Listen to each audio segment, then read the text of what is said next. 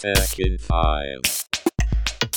Hey, dit is Dim met het technieuws in 5 minuten door Android World van woensdag 24 augustus.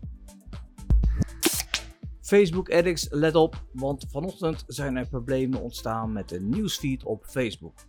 Heel wat gebruikers zien niet langer berichten van hun vrienden, maar wel van celebrities. Het probleem komt wereldwijd voor, maar de oorzaak is nog niet bekend. De nieuwsfeed laat dus van alles zien, behalve wat jij normaal ziet. Dus niet de kat van de buren, het dochtertje van de zwager van je autolier haar eerste schooldag, maar berichten van celebrities. Op dit moment weten we nog steeds niet wat er aan de hand is. Dat de nieuwsfeed stuk is, is wel duidelijk. Maar of dat komt door een fout of misschien wel door een hack, dat weten we nog niet. Deze week ontdekten samen met onze lezers dat het toevoegen van een betaalpas aan je Wear OS smartwatch niet meer werkte sinds de samensmelting van Google Pay en Google Wallet. Paniek in de tent, want dat is toch wat je graag doet, betalen met je pols. Gelukkig merkt een van de lezers van Android World nu op dat het voor zijn Galaxy Wear 5 weer werkt. Het liep via een update op het horloge en toen hij eenmaal geïnstalleerd was, kon hij weer een kaart toevoegen en betalen met zijn pols. Bij mij werkt het helaas nog niet op mijn Oppo smartwatch. Bij jou wel? Hou je van documentaires, van tech en een beetje spanning en sensatie, dan hebben we een hele leuke tip voor jou.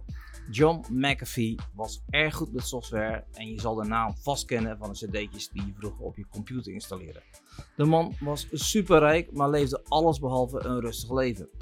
De documentaire volgde hem vanaf 2012 toen hij Belize moest ontvluchten omdat hij van moord op zijn buurman werd verdacht. Running with the Devil, The Wild World of John McAfee kijk je op Netflix en ik denk dat het een aanrader is. Fitbit is uh, sinds een tijdje al eigendom van Google en heeft weer wat van zich laten horen als het gaat om producten. De Fitbit Versa 4 en de Fitbit Sense 2 komen binnenkort op de markt. Beide watches zijn dunner en lichter vergeleken met de voorgangers en gaan 6 dagen mee op een enkele acculading. Fitbit heeft ook de interface van de smartwatches een stuk verbeterd en heeft tegels met informatie geïntroduceerd. Beide watches hebben GPS en zullen daarom binnenkort ook met Google Maps werken. Daarnaast zal ook Google Wallet werken met beide Fitbit, watches.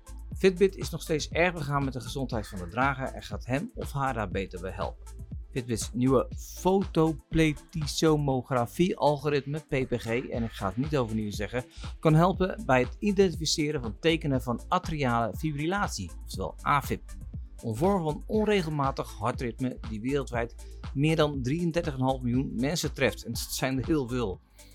Deze nieuwe functie beoordeelt het hartritme tijdens je slaap of wanneer je stil zit en geeft een melding wanneer er tekenen zijn die op AFib kunnen wijzen. De functie is een aanvulling op het elektrocardiogram, het ECG, waarmee gebruikers actief een controle kunnen uitvoeren. Belangrijk is wel dat je de resultaten achteraf met een arts bespreekt, want Google is helemaal geen dokter. Ook een nieuw device is de Inspire 3 met een accuduur van 10 dagen en je kunt er tot 50 meter diep mee duiken, mocht je dat willen. Het registreert alle activiteiten en je kunt er trainingen mee starten. De Inspire 3 is met een prijs van 99,95 een echt instapmodel.